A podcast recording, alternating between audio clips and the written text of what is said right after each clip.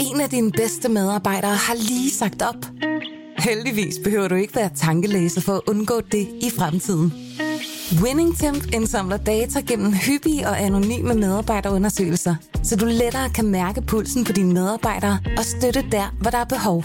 Kunder som Alfa Laval, Orkla og Volvo bruger allerede WinningTemp og ser, at det øger trivsel, reducerer turnover og hjælper med at fastholde talenter. Få gratis gennemgang allerede i dag på winningtemp.com.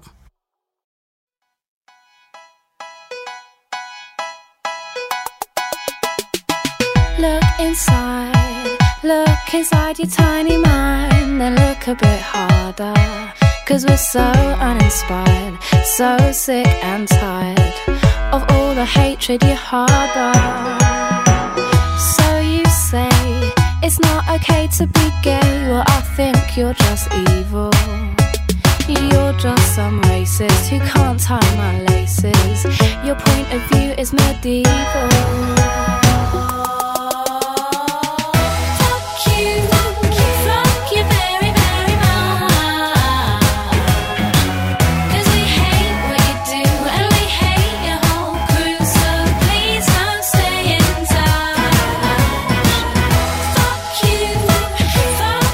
Fuck velkommen til øh, kampagnesporet med mig, David Træs, og med uh, Mads Fuglede, og med producer Andreas ude bag, bag knapperne.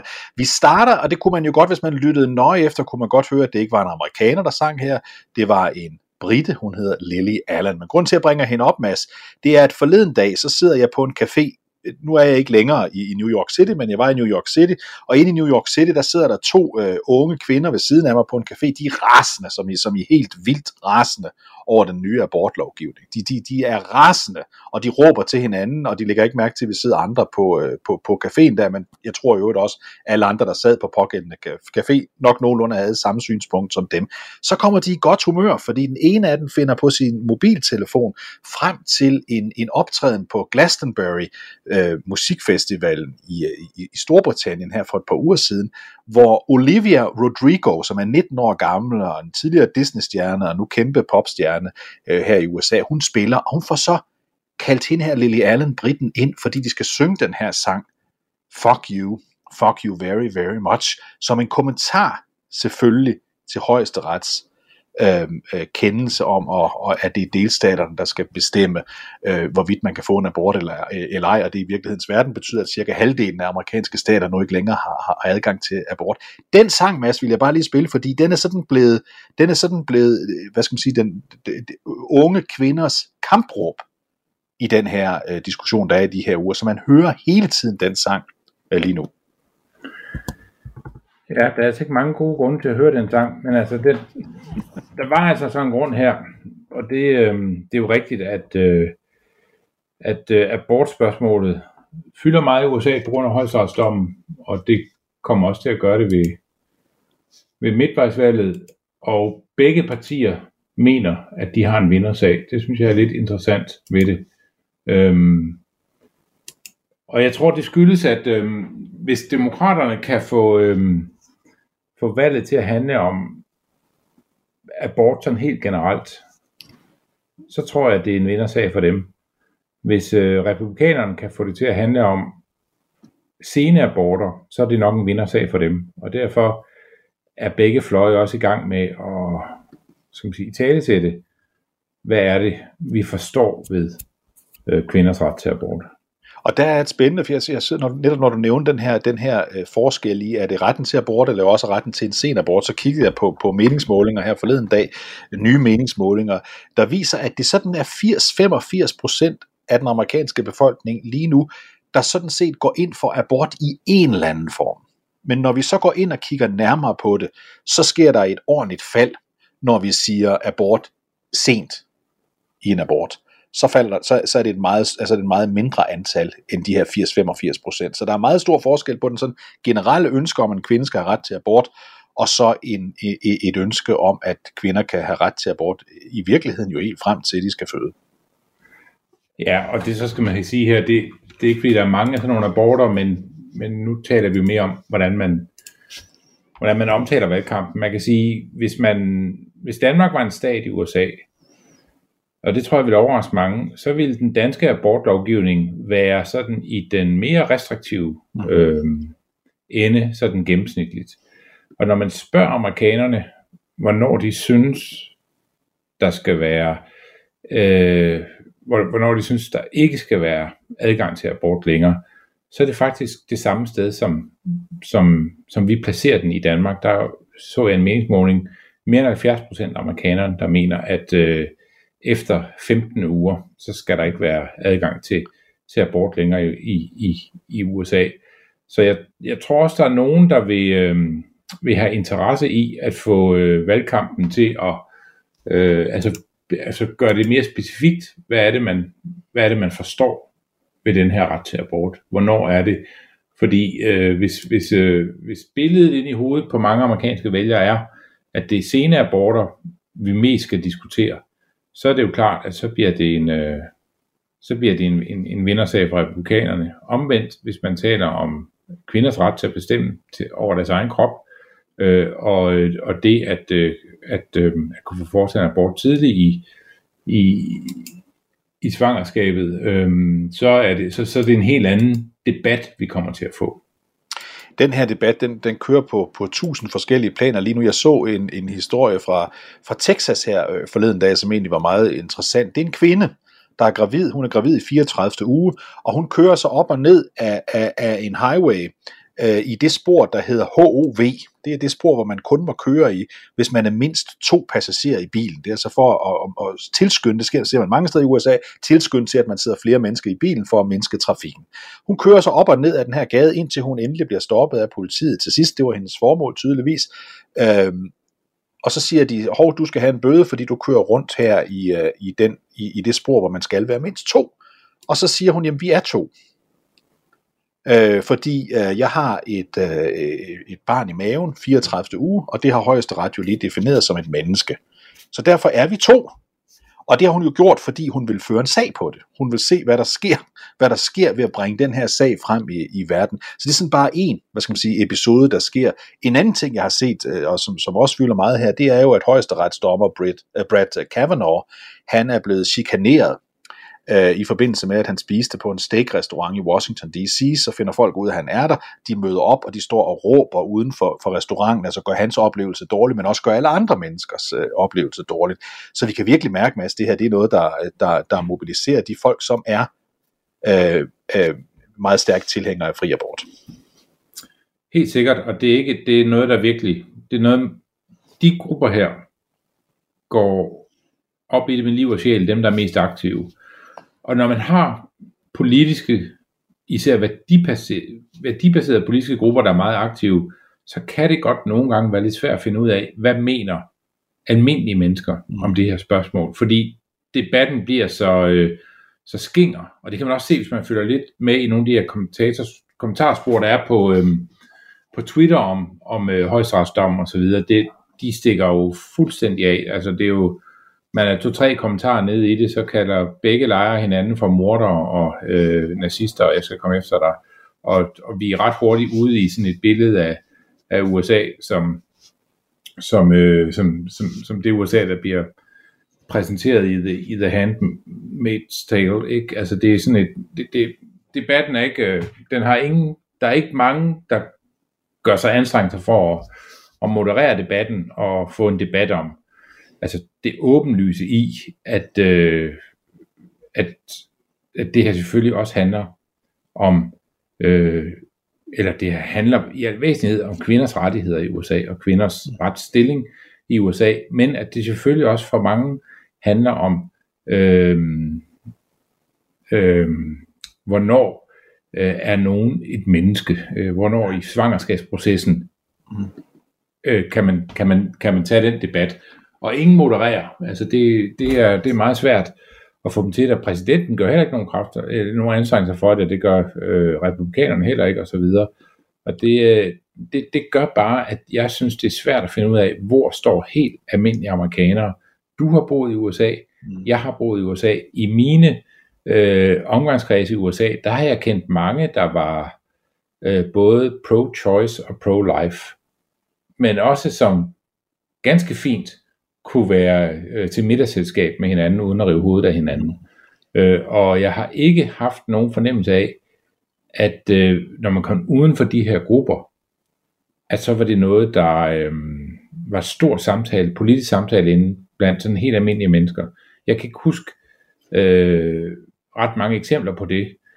Kun det øjeblik, hvor vi taler om yderpositionerne i debatten, mm synes jeg, det har, det har fyldt noget. Og det, øh, men det kan godt være, det er mig, der tager fejl. Jeg, jeg tror, der ligger det i det, at, at rigtig mange ikke havde set det komme af den her 50 år gamle øh, rettighed. Jamen, det er selvfølgelig- det er forsvinde.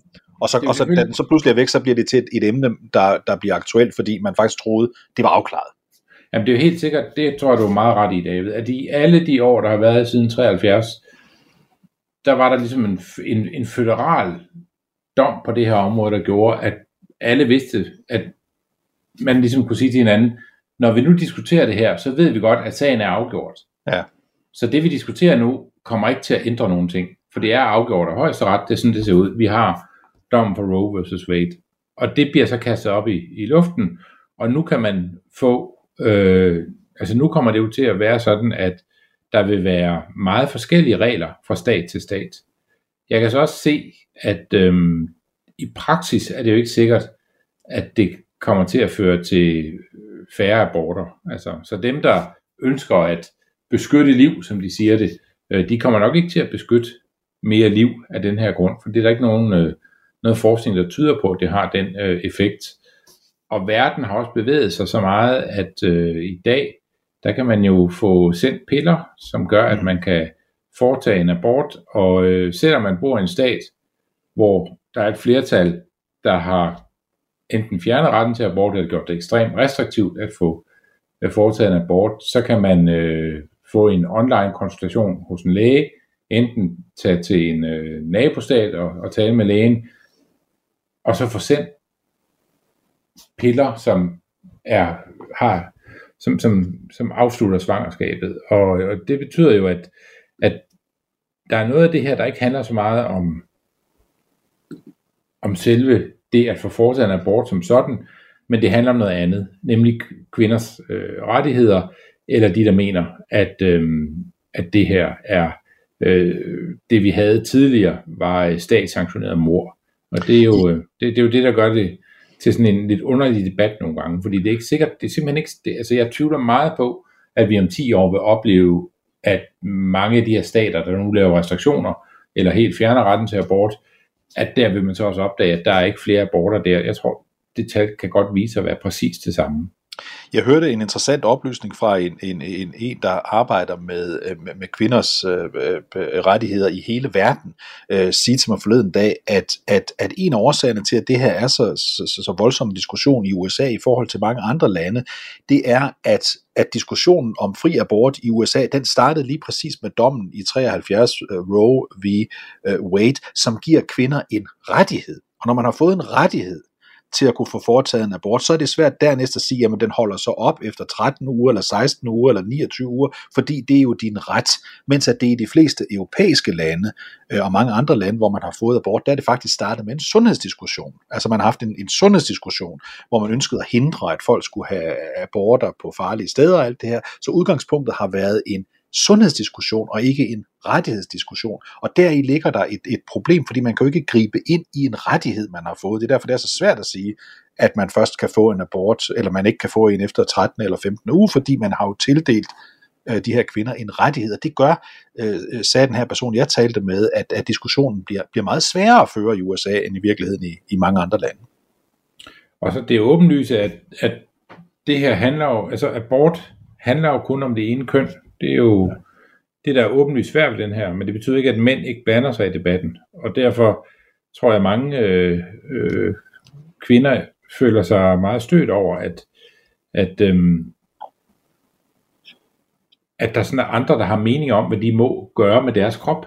Og det vil jeg, sådan vil jeg også selv have det, hvis det var, hvis det var mig, der var øh, i den situation og skulle tage stilling til det her. Hvis jeg var kvinden, så ville jeg også synes, det er rigtig mærkeligt, at øh, det modsatte køn har en masse holdninger til, hvad jeg må gøre med min krop øh, og ikke må gøre. Øh, Jeg benægter selvfølgelig ikke, at øh, altså, altså jeg, jeg er jo sådan en typisk dansk på det her område. Jeg ser abort som et øh, som en øh, som en, som en meget, meget vigtig øh, rettighed, kvinder har. Og hvis man ser på den udvikling, der har været, både når man handler om, at man kan, altså både hvad angår prævention, og så også, hvis man alligevel bliver svanger, og ikke har haft ønsket om det, hvad det har betydet for kvinders øh, øh, for kvindefrigørelsen og for, for kvinders rettigheder. Det, det skal man jo ikke, øh, altså man kan ikke følge ret med i historien for at se, at det, det har en enorm konsekvens det her. Og de lande, hvor man, øh,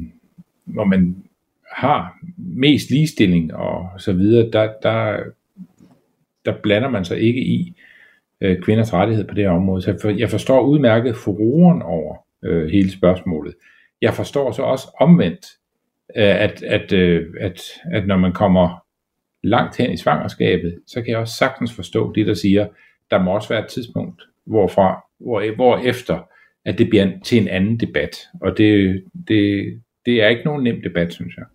Og det vi kan se øh, nu, øh, øh for sådan at, at skifte emne lidt her, det er, at altså, eller, vi er stadigvæk på samme emne, men det interessante her er, at, øh, at, øh, at lige nu her, hvor den her diskussion har kørt for fulde gardiner i to-tre uger i USA, øh, der ser det ud som om, at det er de her såkaldte generiske målinger, som ikke giver så meget øh, mening, fordi folk jo ikke generisk vælger, om de vil stemme på en demokrat eller en republikaner, men ved midtvejsvalget konkret vælger en eller en anden i deres egen kreds. Men i de her generiske målinger, øh, der ser det ud som om, at det her, det indtil videre hjælper øh, demokraterne, som har faktisk oplevet et pænt hop opad i den type øh, øh, øh målinger, som, som jeg lige sagde, var lidt, lidt, lidt tvivlsomme, men ikke desto mindre giver det demokraterne lidt optimisme, men igen, der er lang tid til øh, november måned, og meget andet kan ske i, i samme periode. Der er gode nyheder, Mads, for præsidenten, fordi nu er vi gået 24 dage i træk, hvor benzinpriserne er faldet.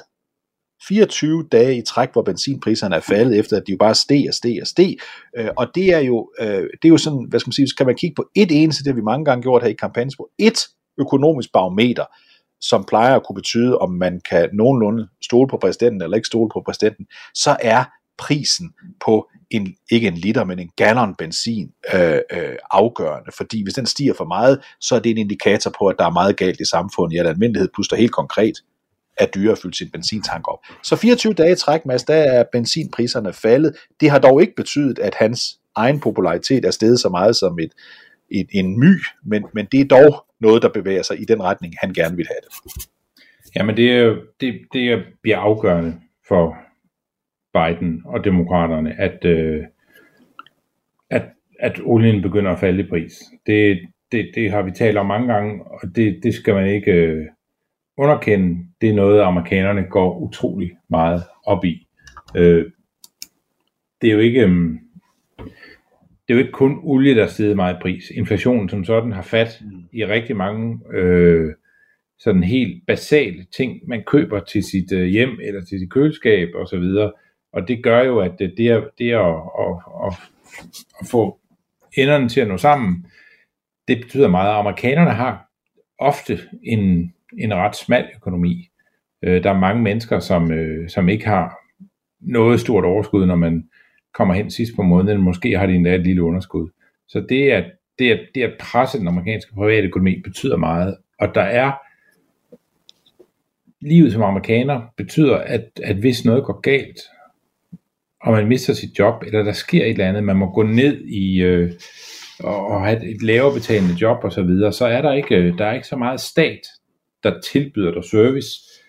Den service, du skal have, skal du som regel selv betale for, og det gør amerikanerne også øh, gerne, men det kan jo blive svært med de tider, man har. Så, så, så valg, hvor ens private økonomi er udfordret af det, der sker i den store økonomi, det er altid noget, som har store politiske konsekvenser i USA, og meget mere, end vi forestiller os herhjemme. Og herhjemme har vi jo en debat om øh, varmeregninger og alt muligt andet. Det, det, det, og jeg tror også, at det danske næste valg kommer også til at, at have sådan et, et, et hvis, hvis inflationen fortsætter, og mm. man er i den situation, at, at også smalle økonomier i Danmark øh, bliver meget presset af den økonomiske udvikling, jamen så kommer de her ting også til at, til at fylde mere. Og apropos at snakke om abort før, så er det, jeg tænker, hvad er det så der, der vejer tungest? Øh, hvor, hvor, hvil, hvil, hvad, hvilken hvad, hvad kommer til at, at bevæge flest vælgere? Øh, det, det, øh, og der, der vil mit bud være, at det vil stadigvæk være øh, økonomien, øh, der gør det.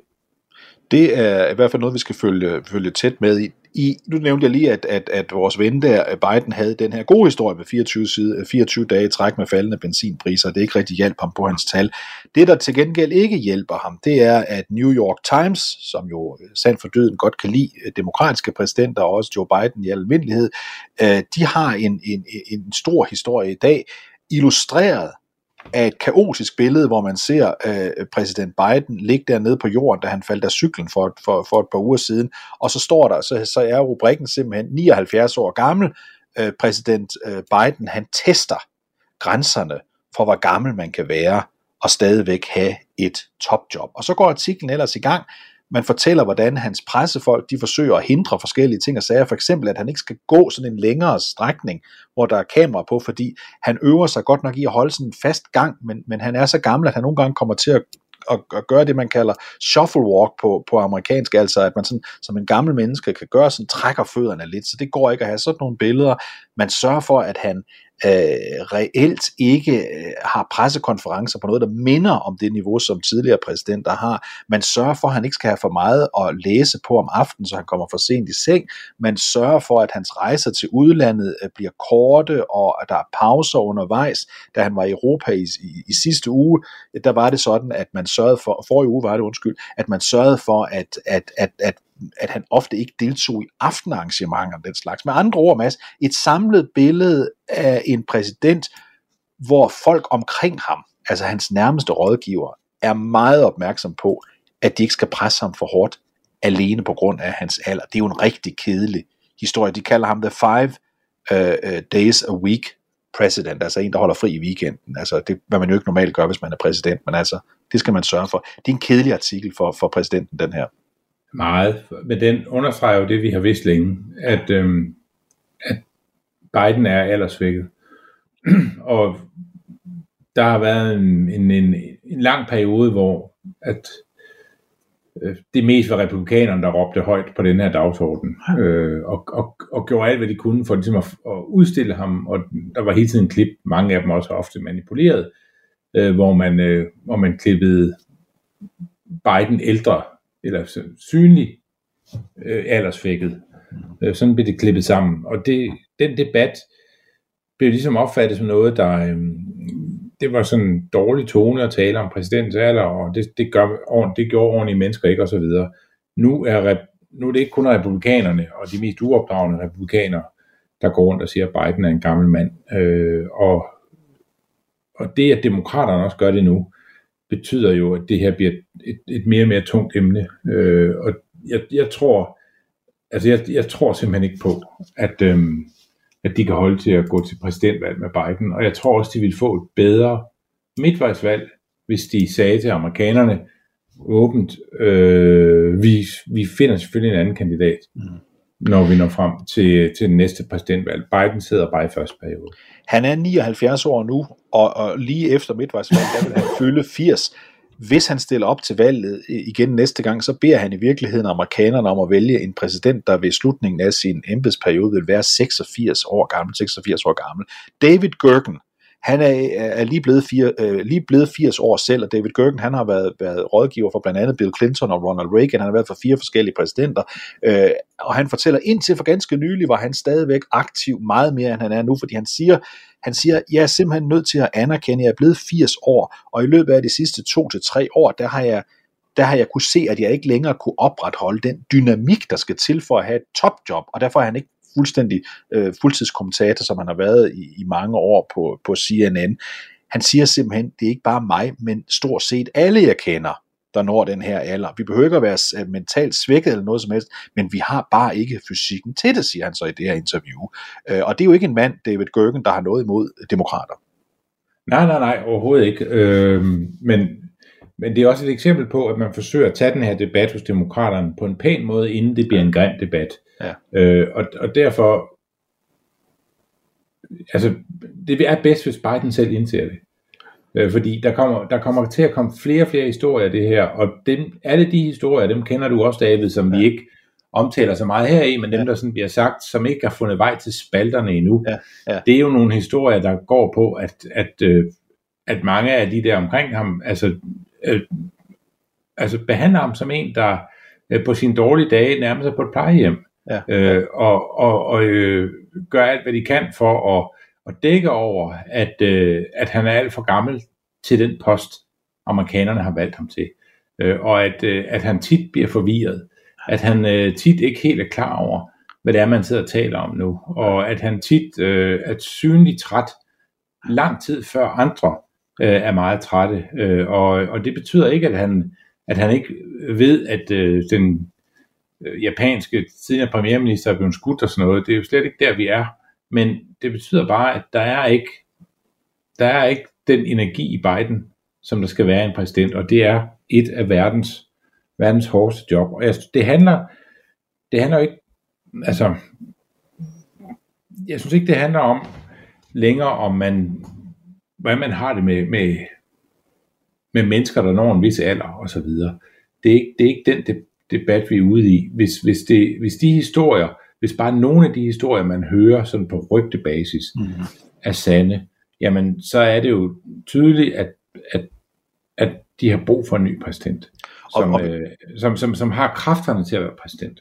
Og, og det vi også ved, og som antydes sådan lidt indirekte i den her artikel, ved at man nævner øh, Ronald Reagans sidste år som præsident, det er, at vi ved jo i dag, det er velkendt, velbeskrevet, at i, i, i Reagan slutningen, i hans, slutningen, Aldersvækket. ja, og i slutningen af perioden var der folk omkring ham, der simpelthen overvejede, skal vi, skal vi have ham væk nu, ikke? Skal vi have ham væk, fordi det er ved at gå galt øh, for ham, det endte med, at man ikke gjorde det, men det er en velkendt diskussion, den er offentlig i dag, øh, og, og, og jeg tænker, den måde New York Times skriver om det her, så er det fordi, at de sådan set antyder, det er der også nogen, der begynder at tænke over, hvad nu hvis han kommer til det punkt, hvor han ikke selv kan se, at han ikke skal stille op igen.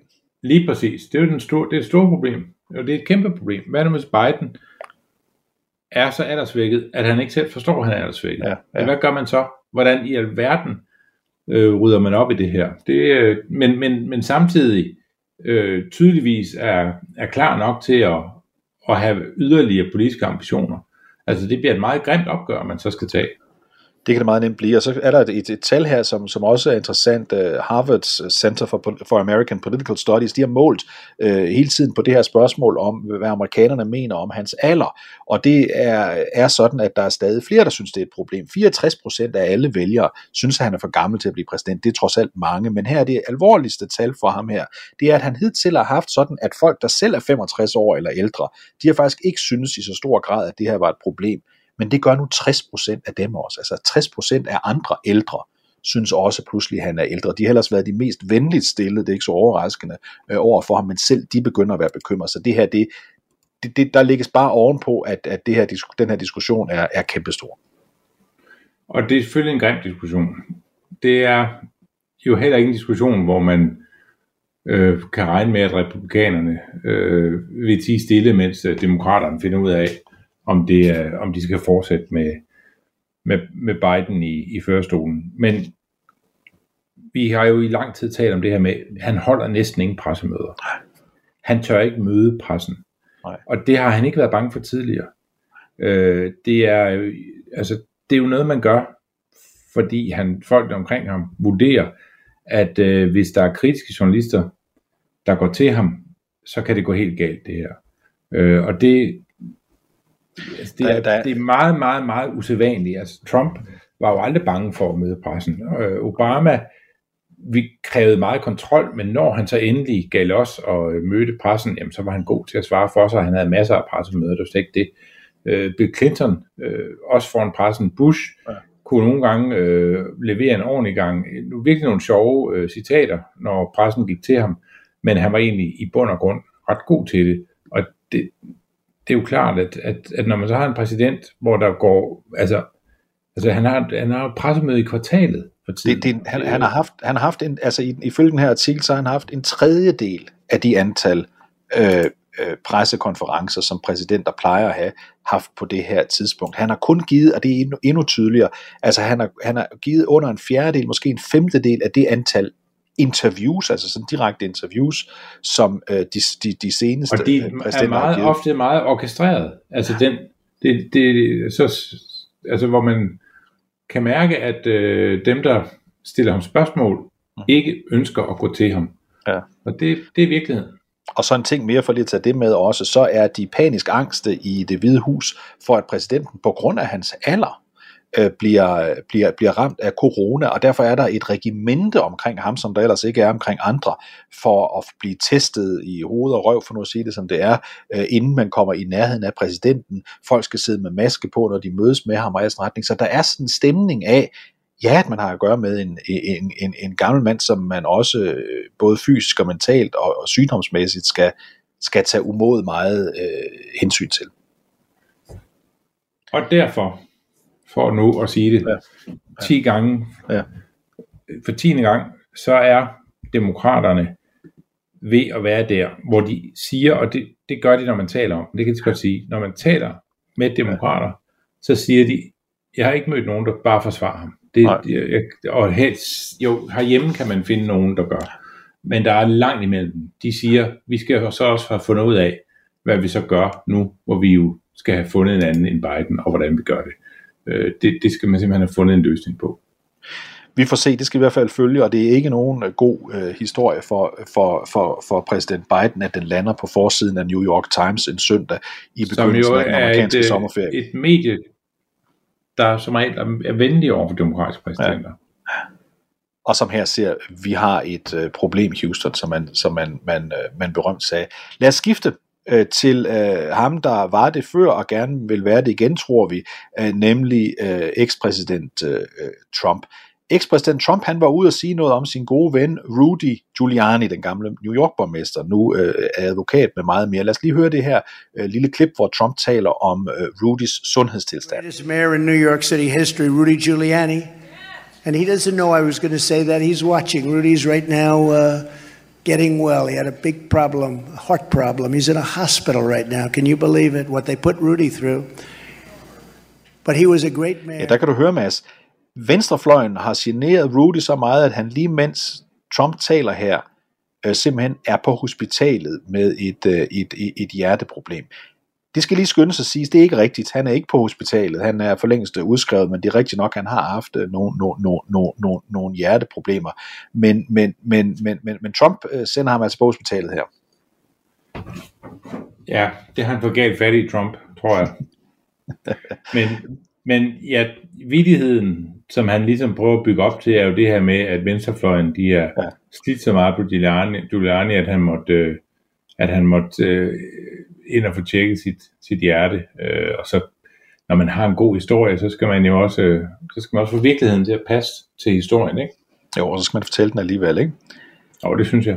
Der er masser af rygter, masser talte vi om i sidste uge, men der er masser af rygter om, at, at, at at Trump allerede inden for meget kort tid meddeler, at han vil være præsidentkandidat eh, igen øh, i 24. Ideen skulle være angiveligt, at ved at, at skynde sig og melde sig på banen nu, så vil det være endnu sværere for den amerikanske justitsminister øh, Garland at gribe ind med et egentligt, øh, med en egentlig anklageskrift mod ham for hans involvering i, øh, i, øh, i det, der skete 6. januar øh, 2021 stormløbet på kongressen.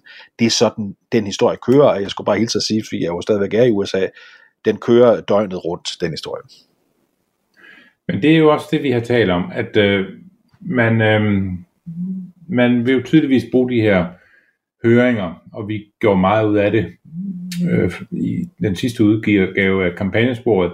Man vil meget gerne bruge de her høringer, man har i kongressen til at øh, løfte en sag mod Donald Trump. Og man synes, man har fået fat i nogle gode ting, som øh, kan gøre det, det interessant og mere interessant for en justitsminister at, at, at, at løfte den her sag. Men det er svært for en justitsminister, og det vil være endnu sværere, hvis det er en aktiv kandidat, fordi så kan man beskylde, blive beskyldt for, at man øh, søger direkte at blande sig i et valg. Det er i hvert fald det, historien går på. Vi skifter lige, øh, vi skifter lige fokus til, øh, til øh, et valg, som vi har fulgt øh, tæt, nemlig fordi det er så afgørende et valg, senatsvalget i øh, Pennsylvania. Øh, det er der, hvor øh, Dr. Oz, han er den republikanske kandidat, og hvor John Fetterman, han er den øh, demokratiske kandidat. Også her øh, var Trump ude i et tv-interview og fortæller om, hvorfor han egentlig har valgt at støtte øh, Dr. Oz. I know Oz for a long time, and he's been very nice to me over the years. and that you know influences you in all fairness. And uh, I've really liked him. I've been on his show. Uh, he always treated me well. He said I'm a very healthy specimen, which I liked very much. He said if you lost a couple of pounds, that would be okay too. But that was all right. det, det, det er jo typisk Trump, vi har i gang her. Ikke? Han roste mig for min fysik, så det, det kan man ikke undgå at blive øh, influeret af, siger han. Nej. Altså det er jo... Det er, no, det er underligt det her med Dr. Oz og Trump. Men Trump, Trump har nogen, han øh, kaster sin kærlighed på. Og de, må, de kommer tit fra mediebranchen. Og sådan er det også her. Øh, og nu er valgkampen så gået i gang i Pennsylvania, hvor den siddende viceguvernør John Fetterman bliver hovedudfordreren mod Dr. Oz. Og det bliver en, øh, det bliver en meget, meget interessant valgkamp at følge øh, på de brede grader. Pennsylvania er en svingstat.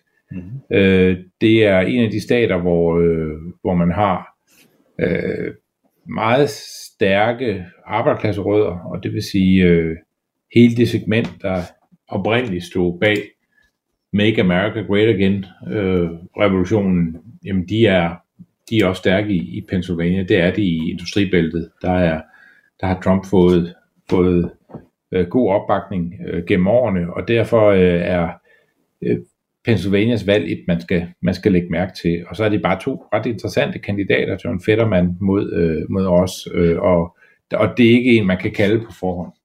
Øh, John Fetterman, han er et stort brød. Han er en rigtig stor, han er, øh, han er ikke to meter høj, men, men vi, vi er deroppe ad, og han er en stor, kæmpe mand, stærk mand. Øh, øh, og han øh, er jo sådan en arbejdertype, øh, der, der, der, der, der, der gjorde sine politiske hoser grønne ved at starte med at være borgmester i en lille bitte by, der hedder Braddock, tæt ved Pittsburgh. Sådan en by, der var faldet fuldstændig sammen, og som han så tager hjem, på trods af at han har fået en, jeg tror det var en Harvard eller Yale øh, eksamen, så tager han tilbage til, til, sin, til sin lille forholdsvis lille by, der provinsby, som han så øh, kæmper sig op fra, og derfra er han så steget graderne til nu at være, øh, være, være, være visguvernør øh, i, i delstaten. Og i målingerne, som du har ret, de er sådan, at lige nu fører Fetterman lidt, men det er ikke mere end, at det kan sagtens indhentes igen. Lad os lige prøve at høre, hvordan John Fetterman han øh, vælger at angribe sin øh, kampagne. Det her det er en modkampagne mod øh, Dr. Oz, og vi ser i, i, i billedsporet, som lytterne jo ikke kan, kan se, der ser vi øh, Dr. Oz i, i arkivbilleder, hvor han går rundt i sin usædvanligt store bolig, øh, der jo bare ligger i, øh, i New Jersey. Men prøv at høre reklamen her. This is John Fetterman. It's a fundamental choice that we have here. I only got involved in politics to make my town, then Pennsylvania, a better, safer place. And he just moved here to run for office. Dr. Oz moved in with his mother in law to qualify for the race. Do you want someone that's all about North Jersey? Look, he's not one of us. He says he'll fight for working people. Okay. Hey, Doc Hollywood, save your money. Pennsylvania is not for sale. I'm John Fetterman, and I approve this message. Jeg synes, den er interessant, Mads, fordi nogen kan jo gå i den vildfarelse, at demokrater de altid opfører sig ordentligt i valgkampe, hvorimod republikanerne er meget ondskabsfulde. Det her det er jo en ren personangreb, som John Fetterman han kommer med, siger Dr. Oz, han er Dr. Hollywood, og han kommer med sine penge udefra, han bor engang i staten, til helvede med dig, øh, Doc Hollywood. Altså John Fetterman er skaldet og har sådan et, hedder det ikke en goatee, Jo, jo. sådan et, et, et skæg, der bare er- sidder på hagen. Og så er han, som du siger, meget stort brød. Han går aldrig, jeg har aldrig set ham i jakkesæt. Nej. Han går altid klædt i øh, en øh, skovmandskjorte eller sådan et eller andet. Øh, og ligner en, der lige har været ude og rode med nogle biler, og øh, ligner vel også en, der kunne være udsmider på, Ja, øhm, det kunne han godt. Ja, han ser meget, øh, han og går tit med hættetrøjer og øh, går sådan klædt, som man gør i arbejderklassen. Han er meget autentisk, vil jeg sige, og arbejder meget med at øh, fremstå autentisk. Selvfølgelig har han jo den her Harvard-uddannelse, øh, og det er jo det er, det, er, det er ikke det, man tænker, når man. Nej. ser ham øh, overhovedet. Så, og hvis man kender Pennsylvania, som jo er en, en, øh, en stat, der som sagt ligger i, ligger i industribæltet i USA. Øh, nogle af de største industrihovedsteder, øh, der sådan findes traditionelt i USA, øh, Pittsburgh og, og, øh, og tidligere Philadelphia, øh, hvor der har været masser af industri osv., det, øh, det er byer, der er, som burde, der er mange mennesker, vil jeg sige, der, der ligner John Fetterman. Mhm. i de områder. Og, sådan og, og, og en stor del af staten er man til Ohio, vil jeg sige. Øh, og, og det, det, derfor slår John Fetterman jo meget på det her med, at, øh, at også er overklasse. Fordi det er ikke noget, man... Det, det overklasse begrebet er... Øh, altså, han er vel... John Fetterman er vel sådan en, en, en, en dansk udgave af... Eller en amerikansk udgave af sådan en... Øh, en tilbage til... Ja, sådan en klassisk socialdemokrat, som man så dem i gamle dage, som, som gjorde en dyd ud af, at de havde arbejdet på et værft, eller øh, havde vidste, hvad det vil sige at være øh, en del af det arbejdende folk og som selv kan reparere deres bil, for det kan han også, John Fetterman. Det har han, det har, du sagde, han lignede en, der lige havde været, stået og bokset med nogle biler. Det gør han faktisk. Øh, vi skal også lige forstå det her område for vores, for vores lidt ældre lyttere. Så, så, så altså, det her område, han kommer fra i, i, øh, i, i Pennsylvania, derude på, i nærheden af Pittsburgh, det er simpelthen det område, som også den berømte film The Deer Hunter øh, bliver, bliver, bliver filmet i, hvor vi jo netop følger sådan en, en, en, en gruppe arbejderamerikanere, der kommer til, til, der kommer til Vietnamkrigen og tilbage igen.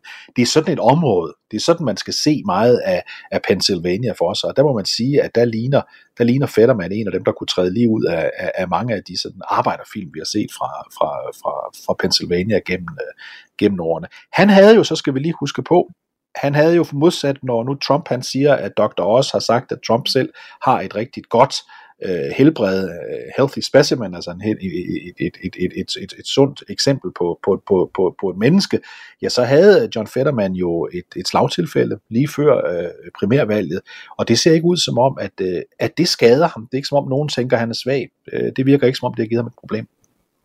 Nej, åbenbart ikke. Øh, det kan være, at det bliver en del af modkampagnen mod ham. Det, det må vi se, øh, hvordan det, det kommer til at spille ud. Men, men, men det er ikke noget, der fylder meget nu. Vi skal til at runde af for denne udgave, Mads, men jeg ved, du havde et, øh, et, et, et, øh, et, et, et, et musiknummer, som vi skulle slutte af jeg, kom jo sådan, jeg kom jo sådan til at tænke, da vi sad og, og havde hele den her diskussion om, om kvinders rettigheder. Og så kom jeg sådan til at tænke på bandet Heart. Jeg ved ikke, hvor godt du kender dem, David. Det er det, jeg vil Øh, sige svagt. du, du vil sige svagt. Jamen det, det var et band, som, øhm, som bestod især af øh, et brødrepar. Den ene var lydmand, og den anden var guitarist. De hed Fisher.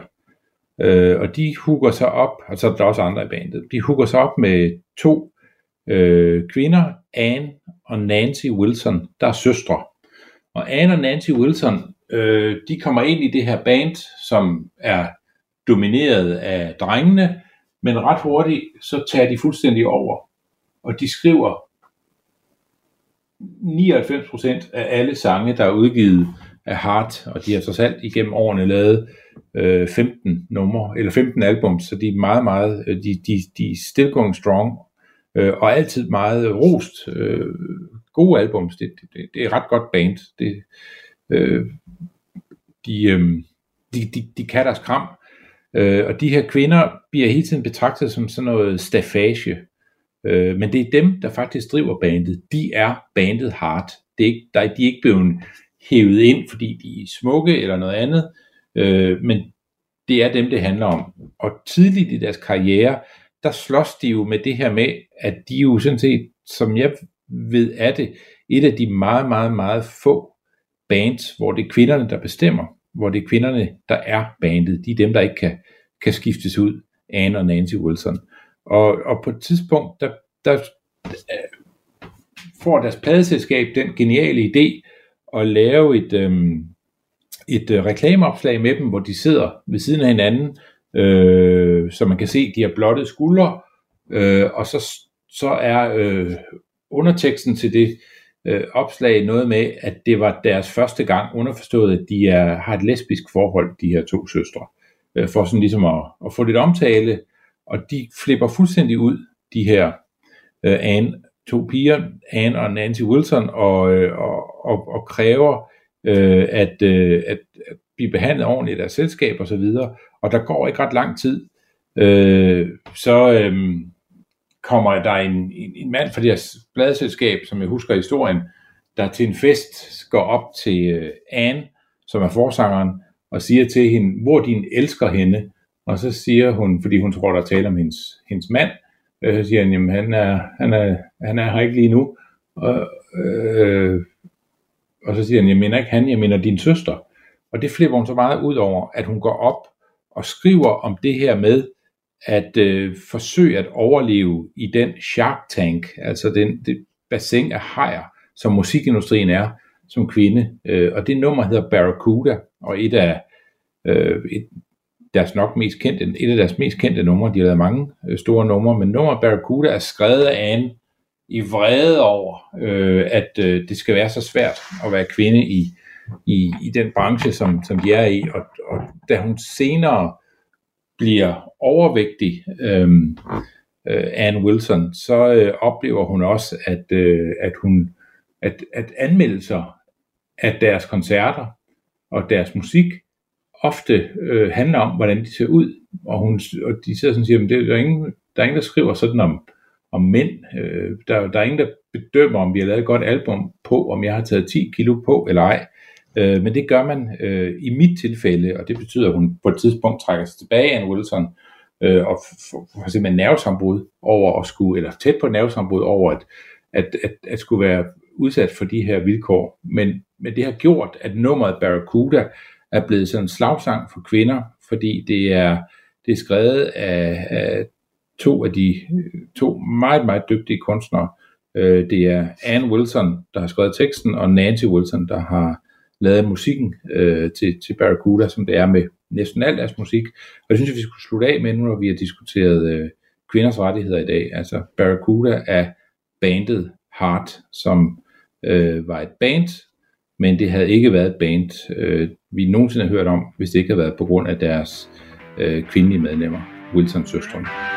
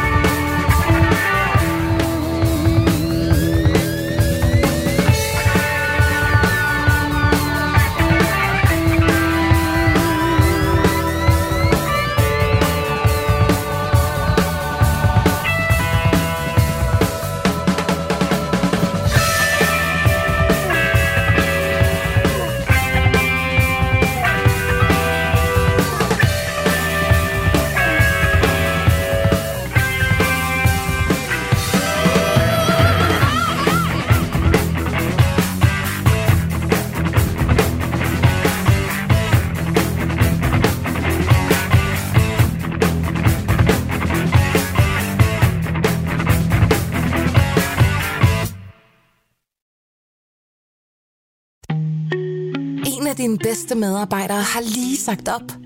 Heldigvis behøver du ikke være tankelæser for at undgå det i fremtiden.